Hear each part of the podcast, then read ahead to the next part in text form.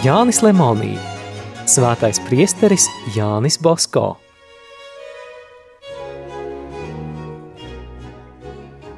Ceturtā daļa, otrā nodaļa – priestere Bosko attiecības ar sabiedrību.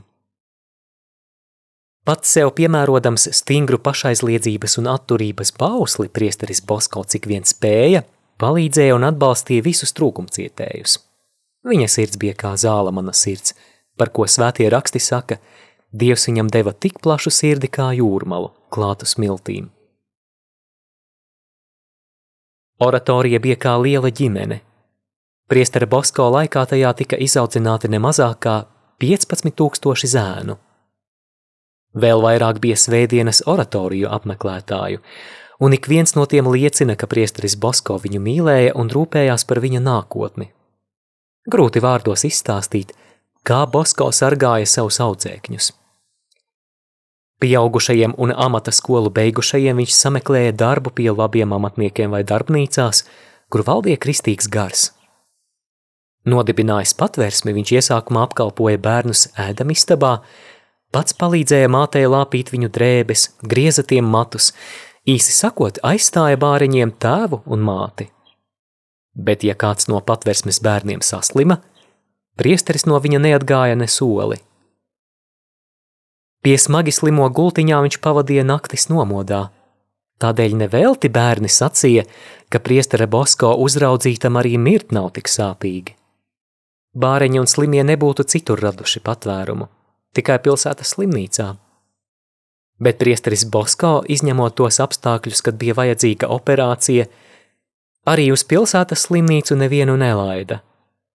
Sasirgušos bērnus viņš izdziedināja mājās, glīt iekārtotā iestādes slimnīcā, veltījot tiem tādu uzraudzību, kādu saņemtu tikai turīgu ģimeņu bērni.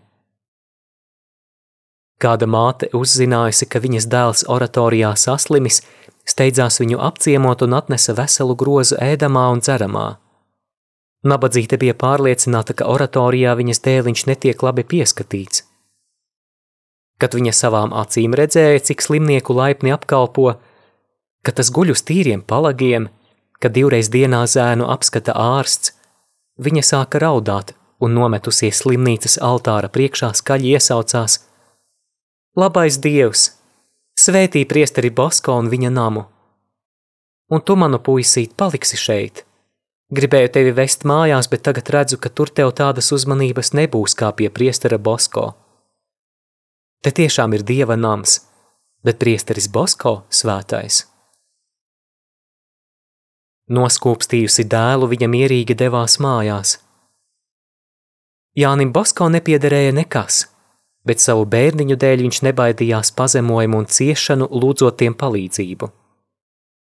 Kad viņam jautāja, kur viņš pašlaik dodas, viņš smaidīdams atteica: Izsalkums spiež vilku izlīst no midzeņa un meklēt saviem vilcēniem barību.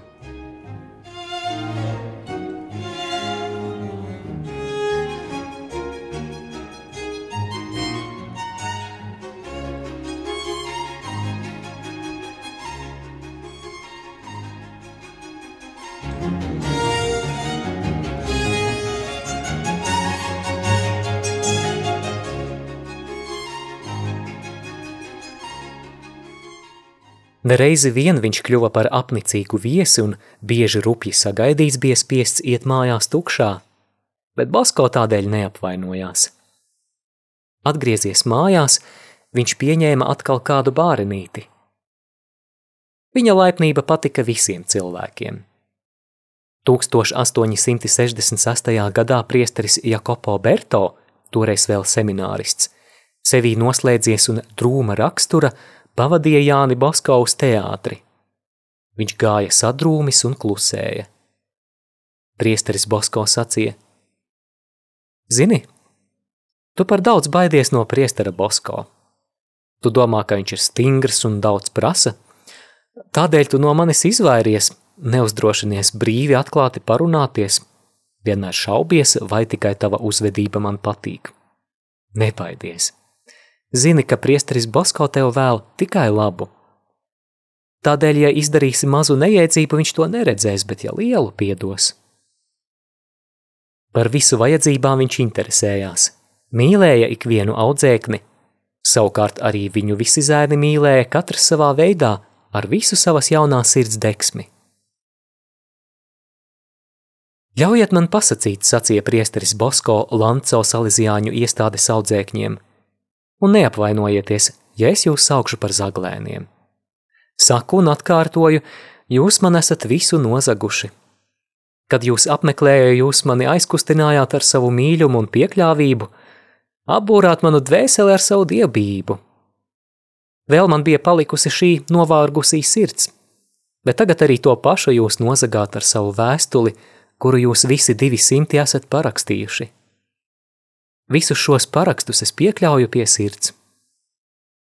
Tā kļuva kā sasaistīta, vairāk nekā negrib un nevar, tikai jūs mīlēt ar svētu mīlestību un palīdzēt jums izpestīt dvēseles.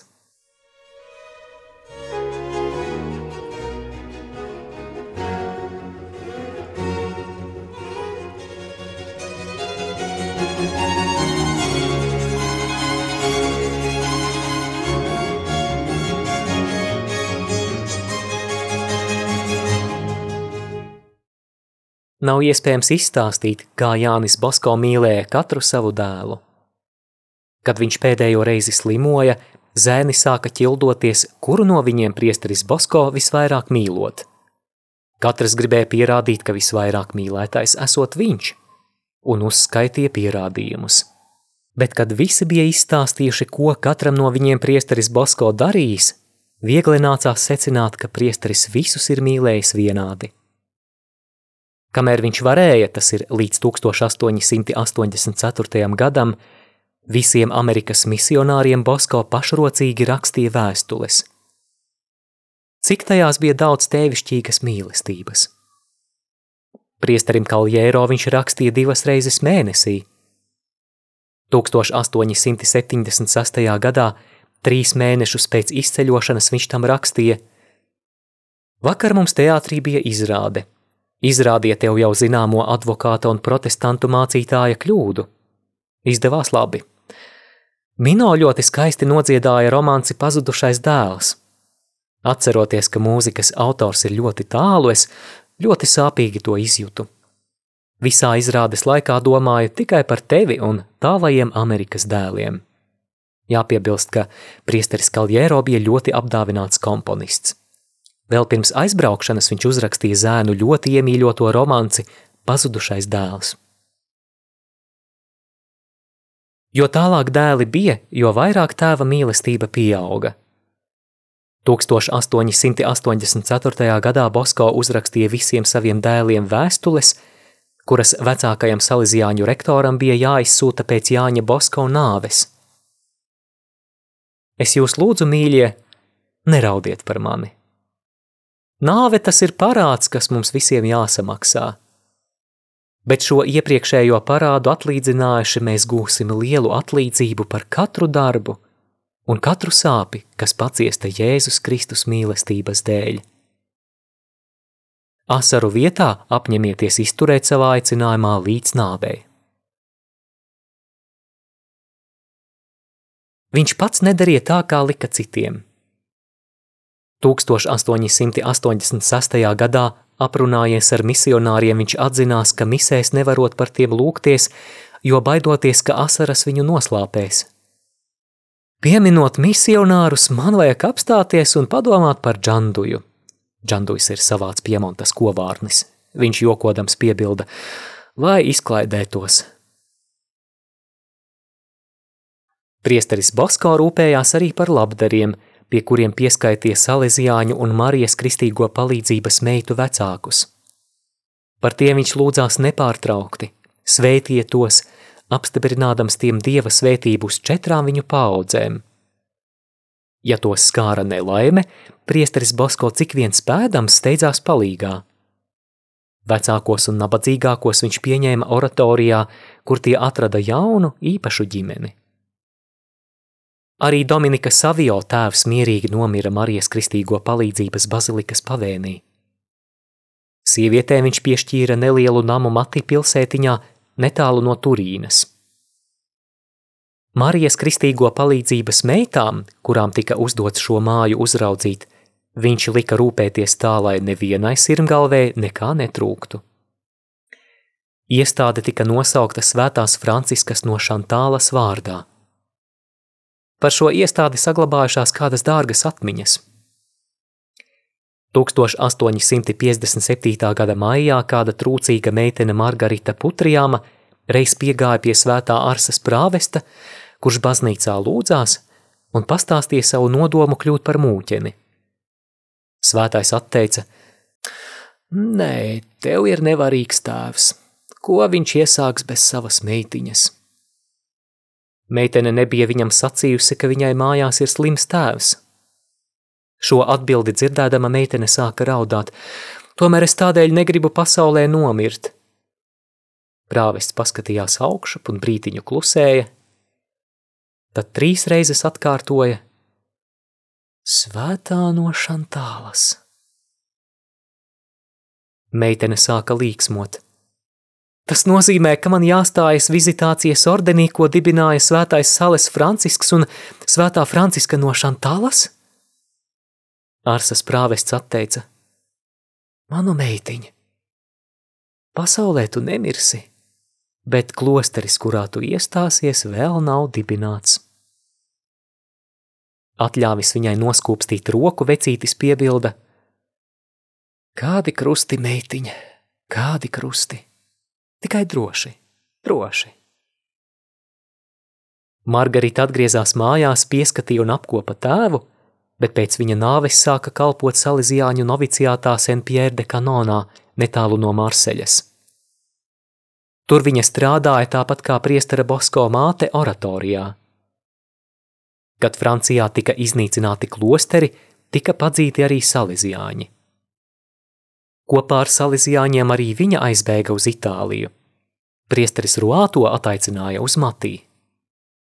Tikai tad viņa rakstīja, kad atrados svētās Franciskas no Šantālas iestādē sapratu, ko nozīmē svētā Arsas prāvesta vārdi.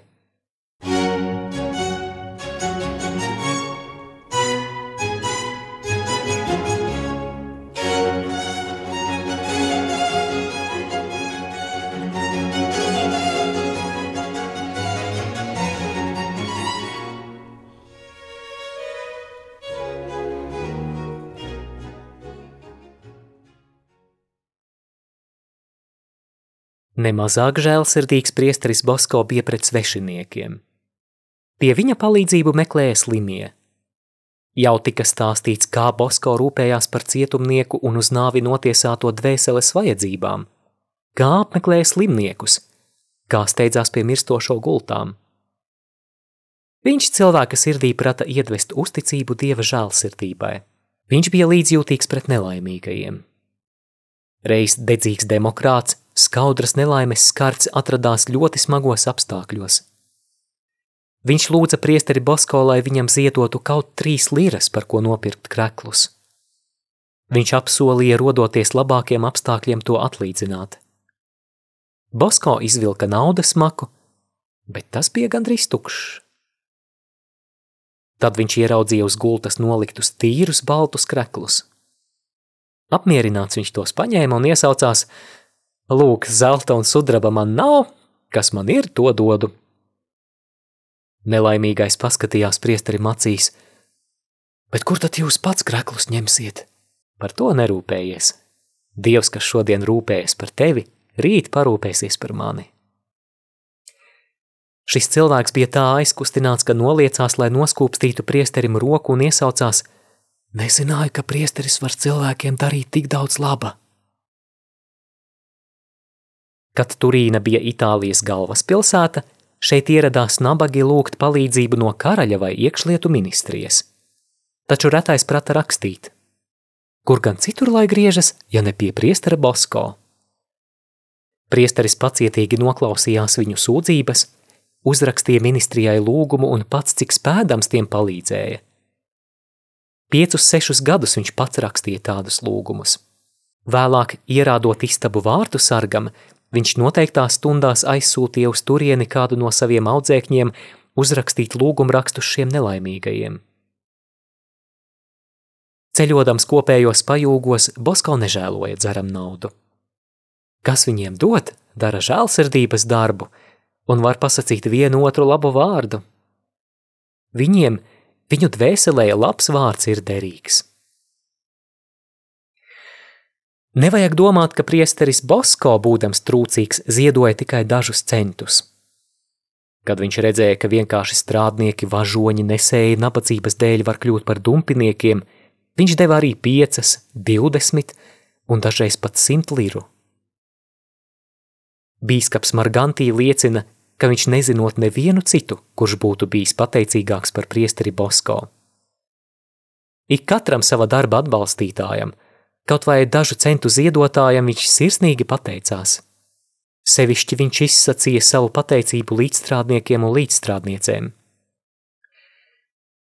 Viņš rakstīja, ka tikai ar viņu atbalstu Salīzijāņi varēšot pasaulē paveikt kaut cik laba.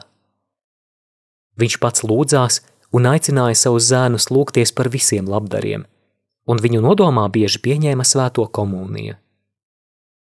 Bieži par tie viņš celebrēja svēto misi.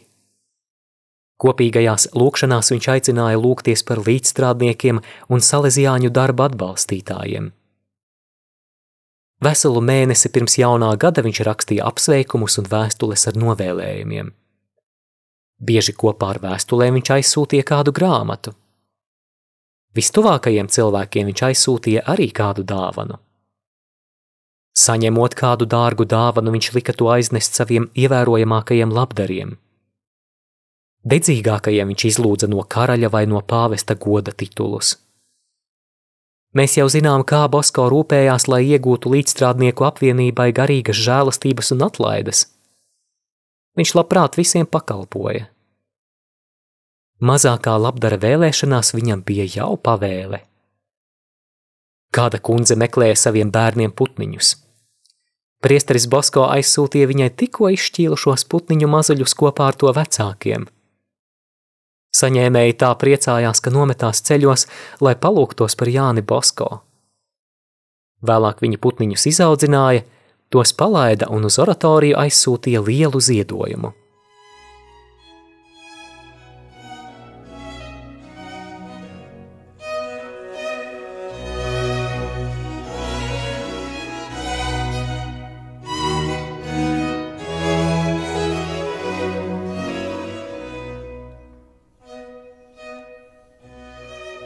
Jānis Basko mācīdamies Kjerī seminārā daudz cieta.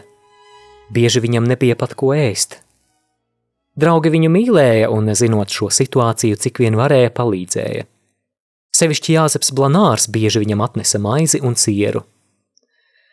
Domāju, stāstīja Blanārs, ka priesteris Bosko būs mani jau sen aizmirsis. Viņu saticis es nebūtu uzdrošinājies pat sveicināt. Bet kā es maldījos? Jau būdams vecs, priesteris Bosko citiem stāstīja, cik daudz es viņam jaunības dienās esot palīdzējis. Es šaubījos, vai viņš mani redzējis vēl pazītu, bet kur nu? Kādu dienu viņš bija ieradies Kierī un apmeties Bertinečo mājās. Viņš mani redzēja, kad nesu kādam mājiniekam ēst. Atstājis priesterus, ar kuriem viņš tobrīd sarunājās, Bosko piesteidzās pie manis un mani uzrunāja – Es gribēju ātrāk aizbēgt, jo kaunējos ar saini vienā rokā un ar pudeli otrā runāt ar tik slaveno priesteri Bosko. Bet viņš mani aizturēja, aizveda pie citiem priesteriem un iepazīstināja. Lūk, viens no maniem pirmajiem labdariem. Pēc tam apjautājies, kā man klājas, paspieda man roku un sacīja, kad gadās būt Turīnā, neaizmirsti pie manis atnākt pusdienās. Cik Basko bija pateicīgs visiem sava darba atbalstītājiem. 1884. gadā dažiem no tiem viņš uzrakstīja vēstules, ko Salīzijāņu rektoram vajadzēja izsūtīt pēc viņa nāves, bet vēlāk viņš uzrakstīja vēl citu vēstuli, visiem kopīgu. Šī vēstule vēl tagad aizskar ikviena cilvēka dvēseles stīgas. Bet Jāņa Bosko portrets būs vēl pilnīgāks, ja atcerēsimies, kā viņš izturējās pret tiem, kas viņam bija kaitējuši un darījuši pāri. Pirmajā oratorijas pastāvēšanas gadā, stāsta Jāzeps Brozijo, Kādā svētdienas pievakarē meklēju priesteri Bosko pa visu ciemu, baznīcā, bet nekur viņu neredzēju. Vēlāk viņu atradu kādā istabā, izmisušu, gandrīz raudam. Ar pūlēm piespiedu viņu pastāstīt, kas viņam tā nospiež sirdi. Bosko atteica, ka viens no audzēkņiem viņu sāpīgi apvainojas. Es viņu mierināju. Manis dēļ, Bosko teica, tas ir sīkums. Man sāp sirds par to, ka šis nelaimīgais jauneklis nostājies uz pazušanas ceļa. Dzirdot šos vārdus, es tā sadusmojos, ka nospriedu vainīgajam nepiedot. Priesteris Bosko jūsdams, ko es domāju, tikai pasmaidīja. Tu gribi atriepties par priesteri Bosko? Labi, bet atriepsimies abi reizē, esi ar mieru? Labi, atbildēju un gaidīju, ko viņš liks man darīt. Bet Bosko paņēmis mani aiz rokas, aizveda uz baznīcu un ilgi, ilgi lūdzās. Domāju, ka viņš lūdzās arī par mani, jo manas jūtas pēkšņi izmainījās. Dusmas pārgāja, jūtu tikai mīlestību un līdzjūtību pret šo nelaimīgo zēnu. Kad gājām prom, priesteris Basko sacīja, ka laba katoļa atriebībai jābūt lūkšanai. Reiz tika tiesāts kāds ļaundaris, kas bija nodomājis priesteri Bosko nogalināt. Bosko aicināja par apsūdzētāju – Tomēr viņš sūdzību neusturēja, bet lūdza apcietināt to atbrīvot. Tiesnesis ļaundari izraidīja no Turīnas. Šo gadījumu uzzināja no paša priestera Bosko un no cilvēka, kas viņu bija pavadījis uz tiesas zāli. Tādēļ jau nāvis gultā gulēdams Jānis Bosko varēja sacīt saviem dēliem: Diligite inimikos vestros et beneficate īs, quod oderunt vos. Mīliet savus ienaidniekus, un dariet labu tiem, kas jūs vajā.